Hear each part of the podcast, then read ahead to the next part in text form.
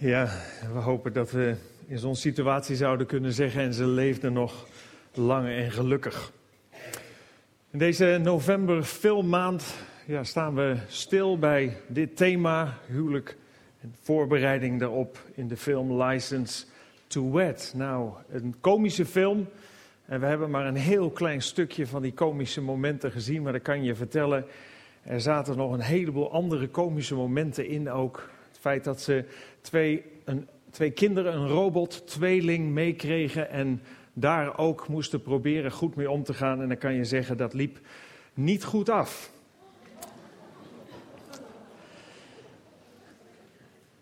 Een komische film over een serieus onderwerp: de voorbereiding op het huwelijk. Als we in Nederland in een eh, auto willen rijden, of op een brommer willen rijden, of een scooter of een motor, dan moeten we eerst ons rijbewijs gaan halen. En dan moeten we ons theoretisch voorbereiden en zorgen dat we er klaar voor zijn om de weg op te gaan en ook praktisch.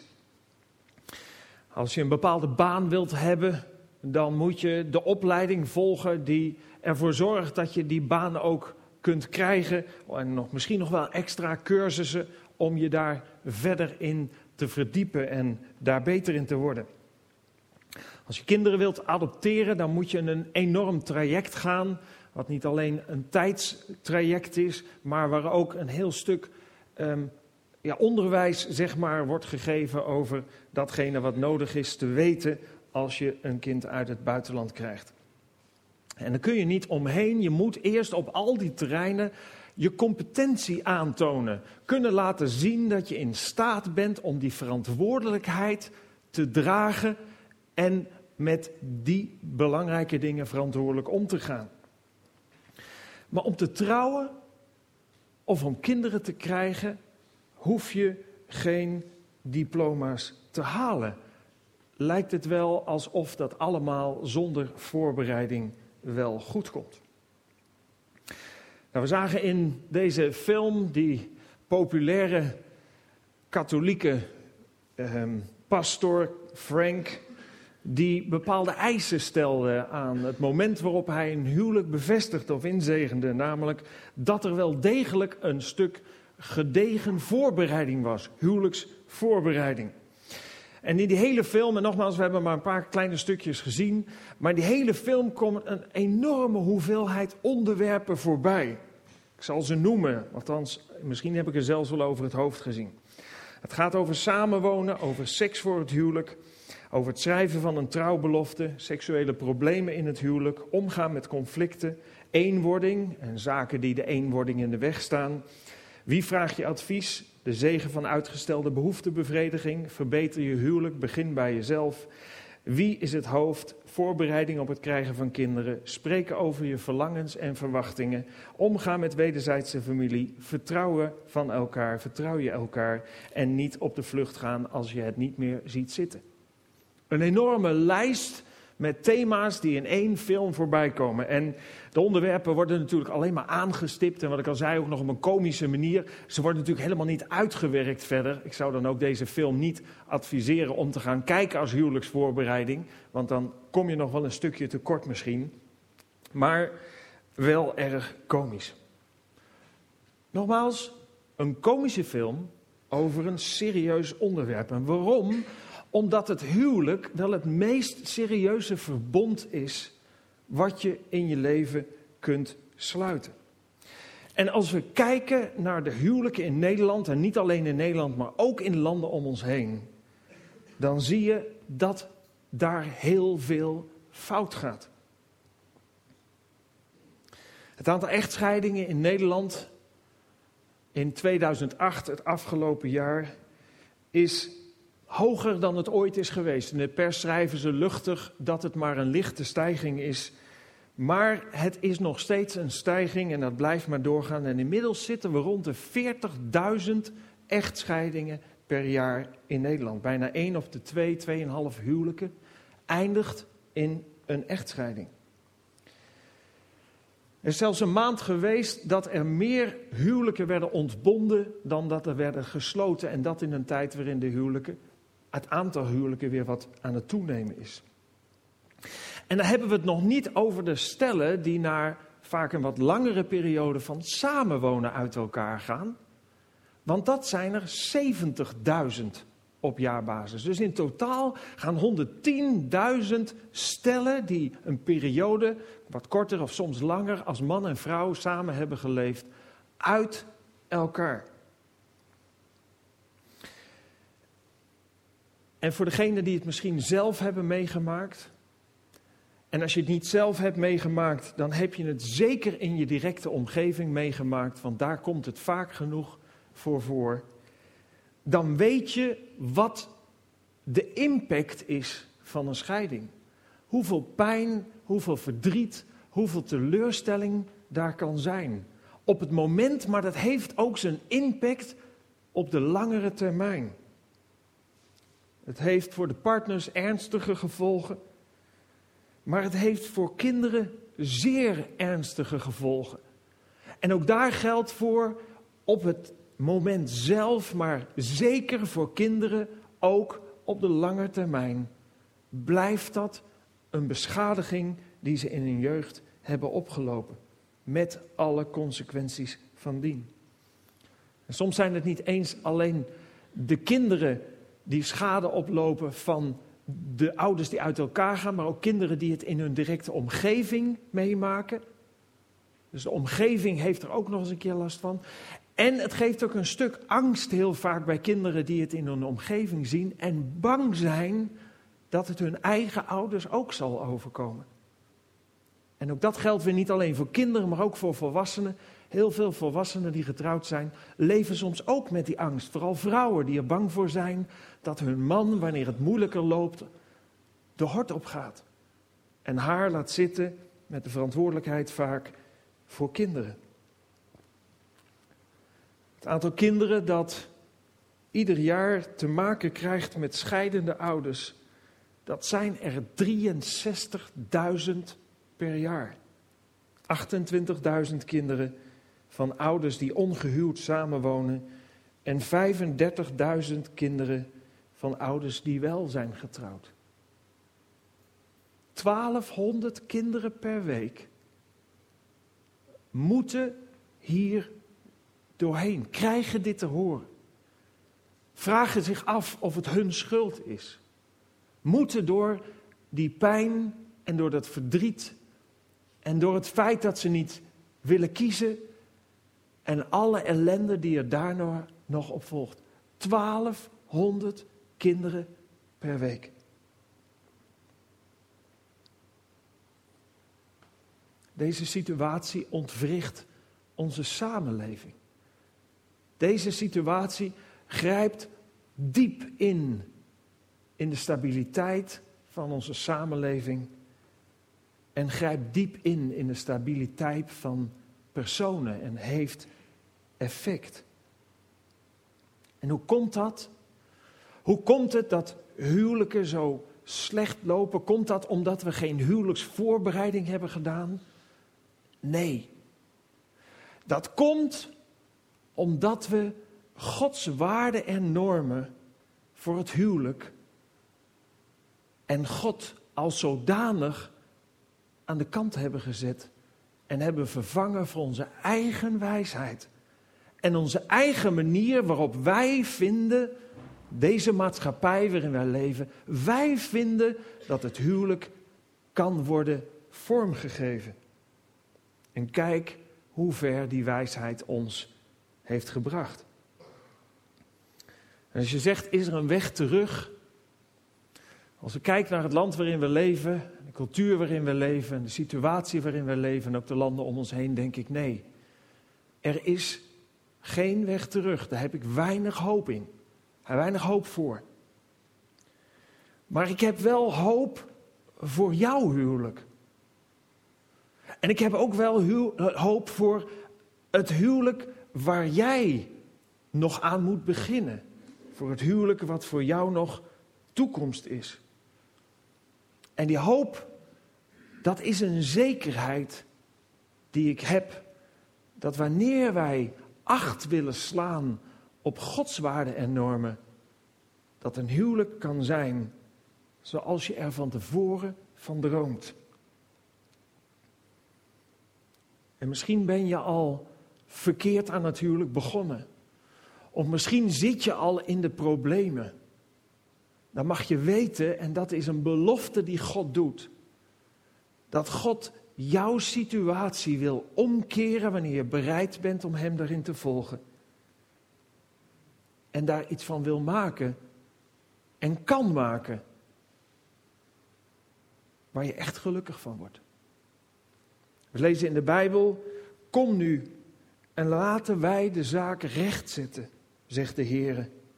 Al waren uw zonden rood als scharlaken, ik maak ze wit als sneeuw. Uw vuurrode zonden zullen worden als witte wol. Laat mij u helpen en gehoorzaam mij. Dan zal ik u rijk maken. En die rijkdom heeft natuurlijk niets te maken met geld of welvaart. Die rijkdom heeft te maken met dat waar we naar verlangen voor ons huwelijk. Dat we geluk ervaren, dat we wederzijdse liefde ervaren. Dat is de grootste rijkdom die je in je huwelijk kunt krijgen. En ik durf de stelling te verdedigen. Een stelling die zegt: een man en vrouw die in afhankelijkheid van God en binnen zijn kaders hun huwelijk vorm willen geven, zullen een gelukkig huwelijk hebben. En ik heb het over die het willen geven. Die je op die manier hun huwelijk vorm willen geven. Dat is met vallen en opstaan, maar het gaat om de hartsgesteldheid die je hebt.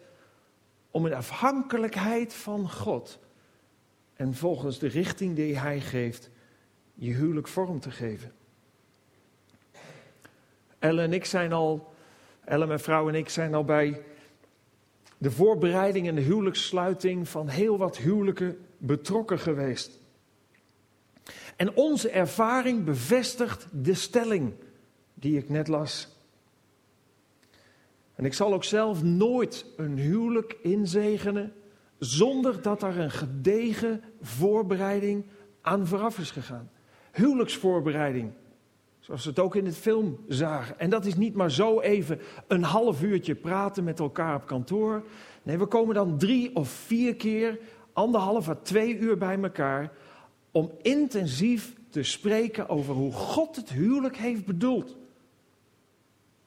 Dat is iets wat belangrijk is om te weten. En we kunnen op zo'n moment ook heel specifiek kijken naar hun situatie en hun uitgangspunten, die voor iedereen weer verschillend is.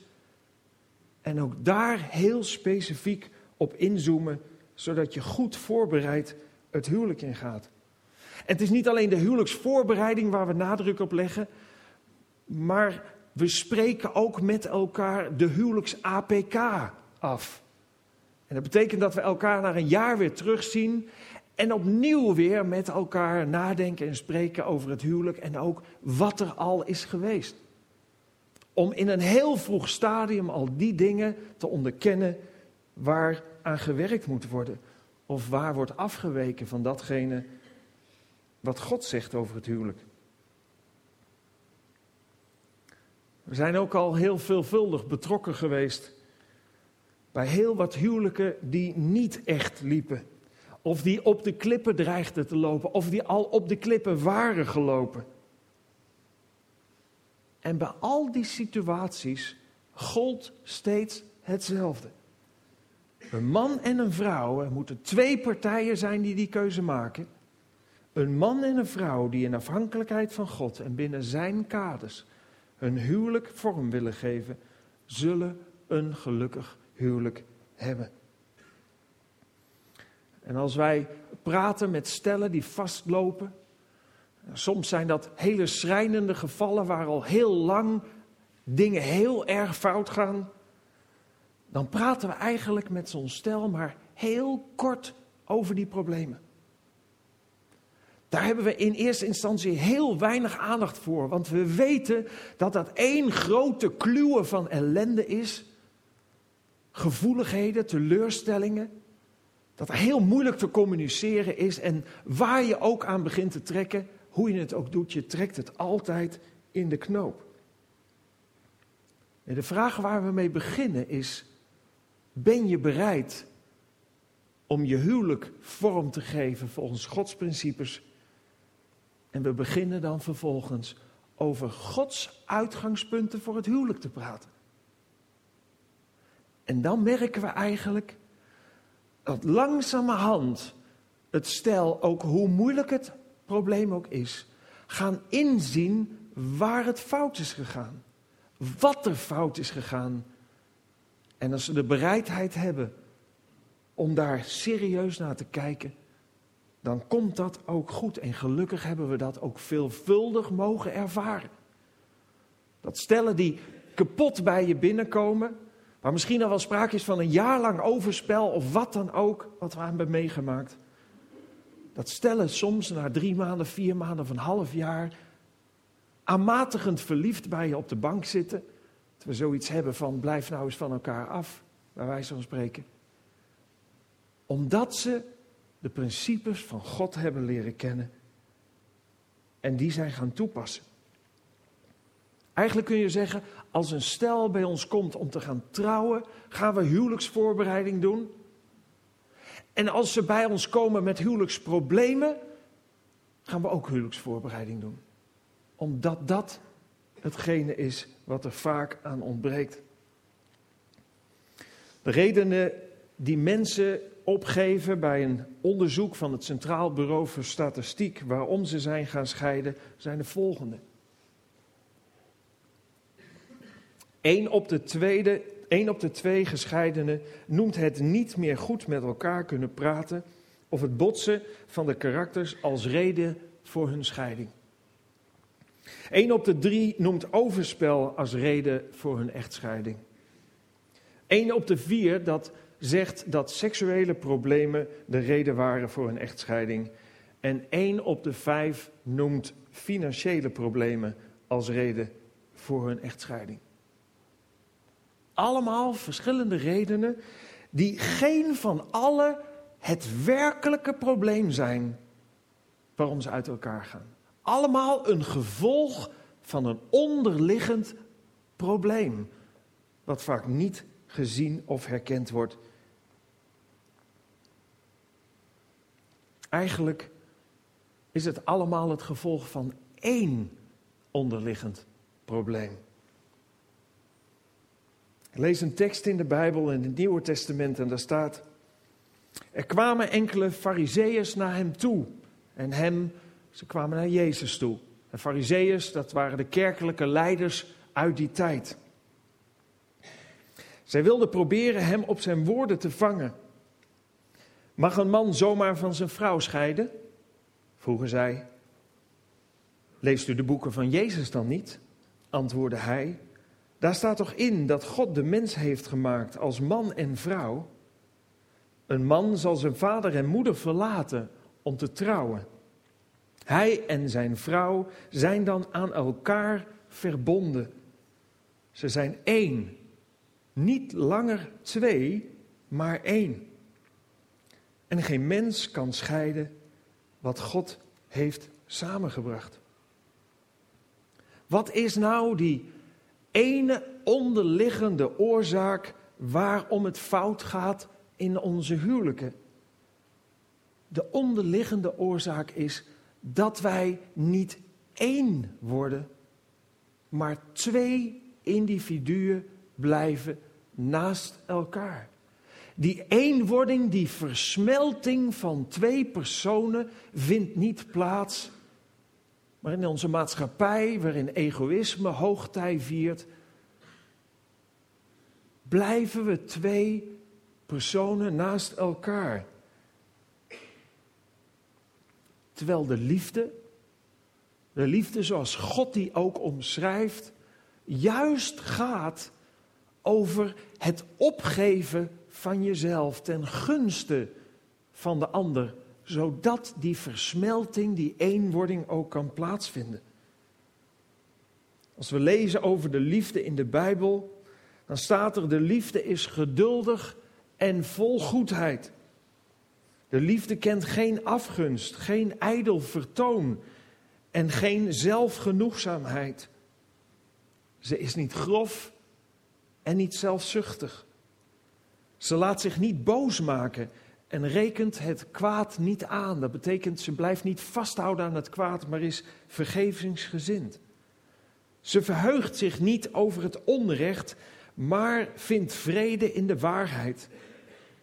Alles verdraagt ze. Alles gelooft ze. Alles hoopt ze. In alles volhardt ze. Dat zijn de kenmerken van liefde die ervoor zorgen dat twee personen, man en vrouw, één kunnen worden. En alles wat gestoeld, wat gebaseerd is op egoïsme, staat dat in de weg. De liefde is niet in de eerste plaats een gevoel wat we vaak denken, nee, verliefdheid. Dat is in de eerste plaats een gevoel. Maar liefde is in de eerste plaats een keuze waarop dat gevoel waar je zo naar verlangt, volgt. En het fundament van liefde, dat kun je lezen aan het einde van deze tekst, in alles volhardse.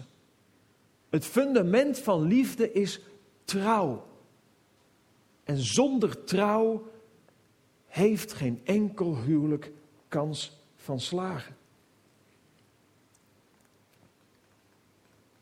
Je wordt nooit één als je gaat voor jezelf. Dan blijf je twee personen naast elkaar. Ik heb het vaak hier gezegd. Trouw niet met elkaar om gelukkig te worden. Trouw met je partner om haar gelukkig te maken. Trouw in de wetenschap dat je wat van jezelf moet inleveren om de eenheid met elkaar te bereiken. Als we lezen in het Oude Testament, de tijd van het volk Israël, dan lezen we een bijzondere tekst. Daar staat: Als een man pas een vrouw heeft getrouwd, hoeft hij niet onder de wapens te gaan of enige dienst in het leger te verrichten. Hij is een jaar lang vrijgesteld en mag thuis blijven om zijn vrouw gelukkig te maken. Oftewel, wanneer een stel van het Joodse volk trouwde, dan hoorde hij, was hij niet meer oproepbaar op dat moment voor het leger. Hij was eigenlijk een jaar lang ontslagen van die verantwoordelijkheid. Hij hoefde nergens naartoe voor lange tijd. Hij kon niet uitgezonden worden of wat dan ook. Zij kregen dat jaar de tijd om samen één te worden. Om aan elkaar te wennen, om naar elkaar toe te groeien. En egoïsme heeft ontzettend veel gezichten. Er zijn ontzettend veel dingen die het één worden in de weg staan. En dat is veel te veel, ook om als voorbeelden nu te noemen. Want dat zou, dan zou ik proberen om, om huwelijksvoorbereiding in, in, een, in een toespraak van een half uurtje te stoppen. Dat kan niet. Maar het is wel belangrijk om te weten wat het inhoudt. Wat nou hetgene is wat we achterwege laten, wat onze eenwording bevordert en wat we doen, wat onze eenwording eigenlijk in de weg staat. Een hele belangrijke, een hele belangrijke oorzaak, daar staan we volgende week bij stil. Een hele belangrijke is het negeren van Gods scheppingsorde, zoals God man en vrouw naast elkaar heeft gemaakt. De rol en de verantwoordelijkheid van man en vrouw naast elkaar is iets wat maatschappelijk al lang vervangen is door onze eigen gedachten erover, met ook daar alle consequenties van dien en vaak de basis van heel veel scheidingen. Volgende week staan we daarbij stil. We nadenken over de film Cinderella Man. Liefde tussen man en vrouw is het mooiste wat er is. Een goed huwelijk is het beste wat je kan overkomen. Maar het is niet gemakkelijk. En door er gemakkelijk over te denken, of door je onvoldoende voor te bereiden, of door maar door te modderen, loop je het risico dat uiteindelijk het huwelijk strandt. En dat terwijl je ooit wel echt verliefd op elkaar was. En dat terwijl je ooit ja tegen elkaar zegt, vanuit, hebt gezegd vanuit het verlangen om je leven lang met elkaar te delen. En dan kun je wel zeggen, we praten niet meer of de klik is er toch niet. Dat heeft niet te maken met dat je niet bij elkaar past. Dat heeft ermee te maken dat je niet één bent geworden en dat je dat moeilijke proces met elkaar niet bent gegaan. Er is een boekje en dat heet Het Mysterie van het Huwelijk. Een vrij poëtische manier om het huwelijk te omschrijven, maar wel met hele diepe gedachten daarin. En daar staat bijvoorbeeld in het huwelijk, je zou kunnen zeggen het proces van eenwording, is in al zijn aspecten een daad van toegevelijkheid. Een bereidwillige onderwerping aan die ene andere persoon met als gevolg een pijnlijk proces van onderwerpen en uiteindelijk afsterven van de eigen wil. Niet het afsterven van je eigen ik, maar van je eigen wil. Het huwelijk heeft geen kans van slagen zonder ten eerste de voorwaarden voor deze innerlijke strijd volledig te aanvaarden, inclusief de toestand van persoonlijke belegering waarbinnen deze strijd geleverd moet worden. Ten tweede dienen de huwelijkspartners er volledig van doordrongen te zijn dat hun eigen ik in deze strijd niet als winnaar uit de bus mag en kan komen. Het huwelijk is op zijn best een wedstrijd waarbij elke partij aan het verliezen is om uiteindelijk samen te winnen. Een touwtrekwedstrijd tussen twee willen die beide even vastberaden zijn niet te winnen. Alleen met zo'n houding heeft een huwelijk kans van slagen. Het huwelijk is een verbond voor het leven. Tot de dood ons scheidt. En God schuwt het niet om daar harde woorden over uit te spreken. Zoals we lezen in het Oude Testament, waar staat: Ik haat de echtscheiding, zegt de Heere, de God van Israël. Het is als het ware een enorme drempel die God opwerpt. Hij timmert als het ware de achterdeur dicht, waardoor we uit het huwelijk kunnen wegvluchten. En waarom? Omdat het proces van eenwording, wat ons brengt bij hetgene waar we zo intens naar verlangen, omdat dat proces zo intens en moeilijk is op momenten, dat je die uitweg ook niet moet hebben. In wezen zou je kunnen zeggen, zijn de meeste echtscheidingen een gemiste kans aan karakterontwikkeling. En heel vaak zie je dan ook dat mensen opnieuw een verbond aangaan of trouwen of samenwonen. Maar de kans van slagen op dat moment is nog veel lager dan de eerste keer. Waarom? Je hebt nooit gedeeld met dat wat er in jouw karakter moest veranderen om een huwelijk succesvol te laten zijn. En jij gaat mee naar die volgende relatie.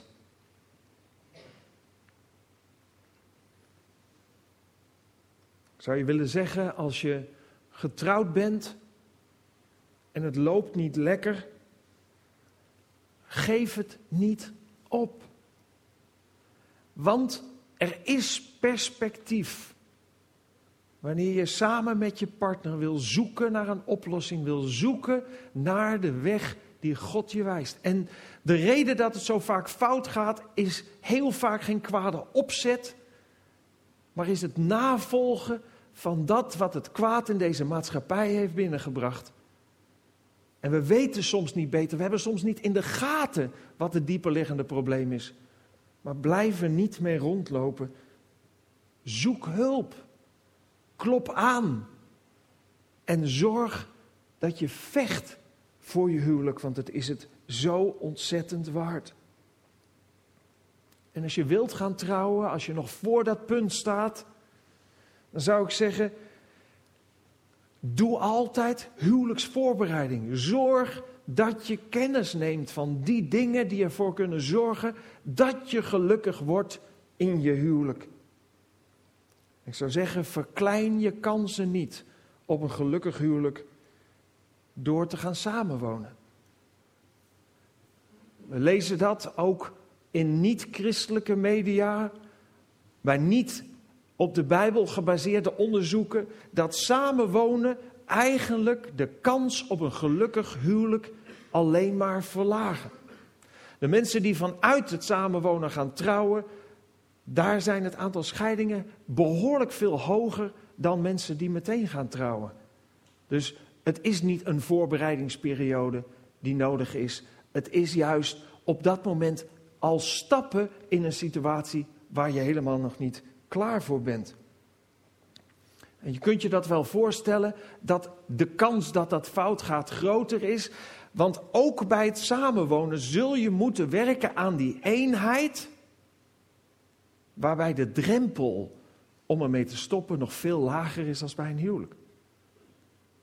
En dat is ook de reden dat het aantal scheidingen, zou je kunnen zeggen, na samenwonen, na een periode van samen veel groter is, van samenwonen veel groter is dan mensen die meteen trouwen. En het aantal scheidingen na een goede voorbereiding en naar verstandige keuzes om het in afhankelijkheid van God te doen, zijn dramatisch veel lager, of eigenlijk gelukkig veel, veel, veel, veel lager dan de trend die we om ons heen zien. Ik zou willen afsluiten met één tekst. Eén tekst uit de Psalmen.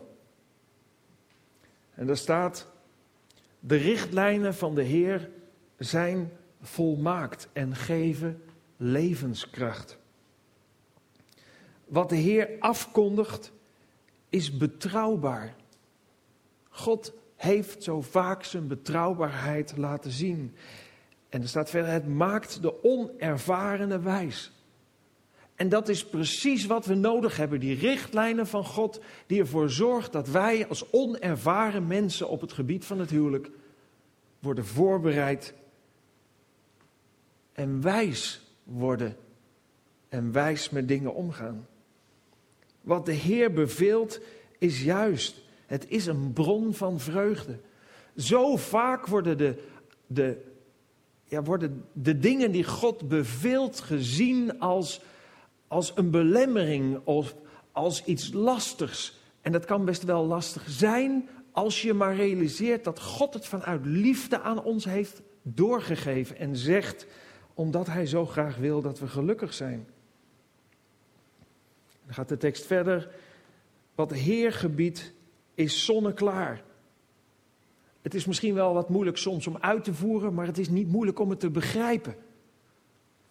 En we proberen er zo vaak een slinger aan te geven, omdat we er liever niet aan willen. Omdat die korte termijn bevrediging voor ons veel belangrijker is dan het op de lange termijn gelukkig worden. Of we denken dat we ons dat wel kunnen permitteren.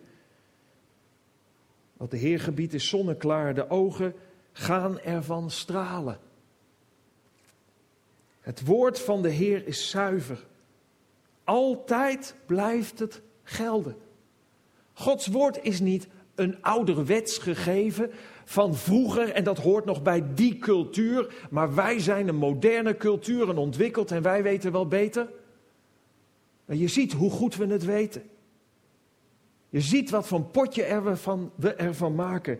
Nee, Gods woord is altijd geldend, want het is gegeven niet voor een cultuur, maar voor ieder mens die Hij geschapen heeft, jij en ik. De uitspraken van de Heer zijn betrouwbaar. Hun juistheid valt niet te betwisten. Ze zijn begerenswaardiger dan goud, dan het allerzuiverste goud. Ze zijn zoeter dan honing, dan honing zo uiteraard. Als je eenmaal gaat zien hoe waar het woord van God is, en hoe waar het is wat hij zegt, en hoe het in de praktijk uitwerkt wat God belooft, dan ga je het woord van God zo begeren, zo graag willen hebben dat het belangrijker wordt voor je dan het zuiverste goud en dan honing uit de raad. We gaan een lied met elkaar zingen. En dat lied dat zegt, u bent mijn anker, u bent mijn licht en mijn bevrijder. U bent mijn vesting. Dus vrees ik geen kwaad. Een ander couplet zegt: Leer mij uw weg. Het komt uit de Psalmen. Psalm 86. Leer mij uw weg, o Heer. Leer mij uw weg opdat ik in uw waarheid wandel. En effen al mijn paden. Laat mij niet los, Heer. Mijn hoop is op u.